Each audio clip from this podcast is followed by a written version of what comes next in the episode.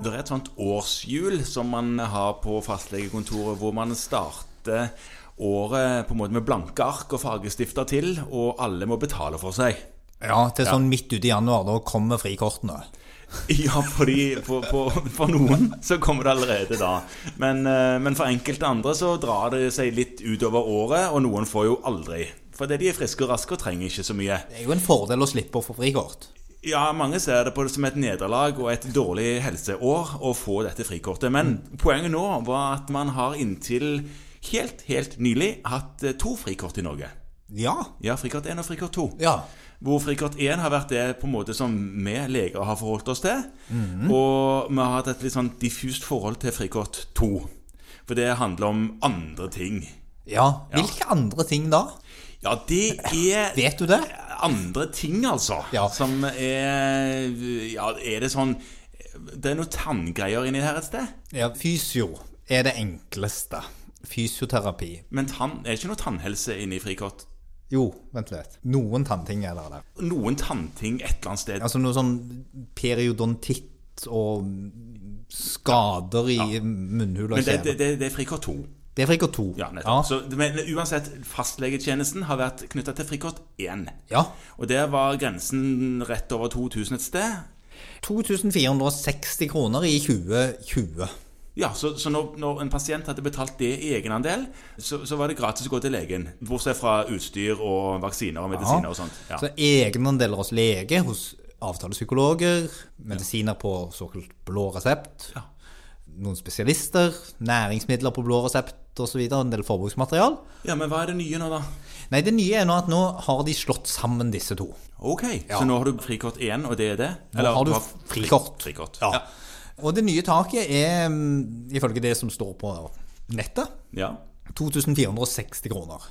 Det var jo Det var jo ikke som Altså, en skulle tro at når man lager ett frikort, så skulle taket bli eh, litt mindre enn summen av de to. Ja. Men det har bare blitt rett over Det, det, det har som ble var egentlig blitt akkurat det samme som det var.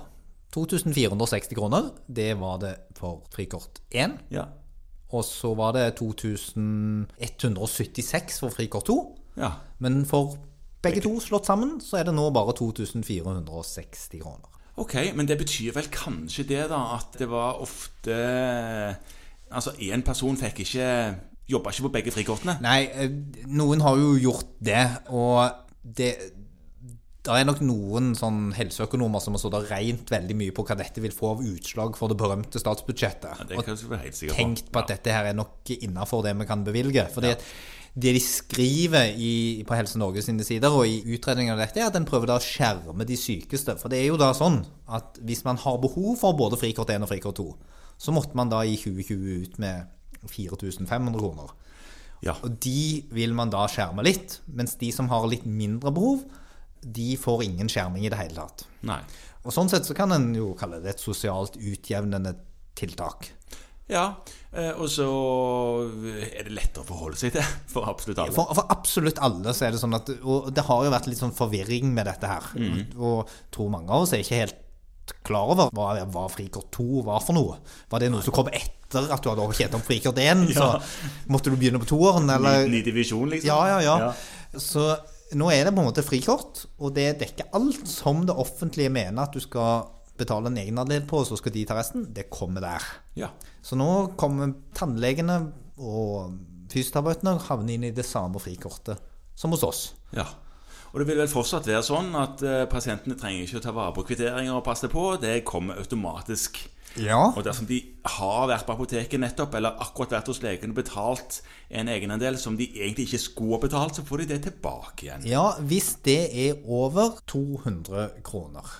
Ja, så hvis de er uheldige og betaler 190 kroner for mye, så er det tapt. Da er det tapt. Det er litt sånn som restskatten din.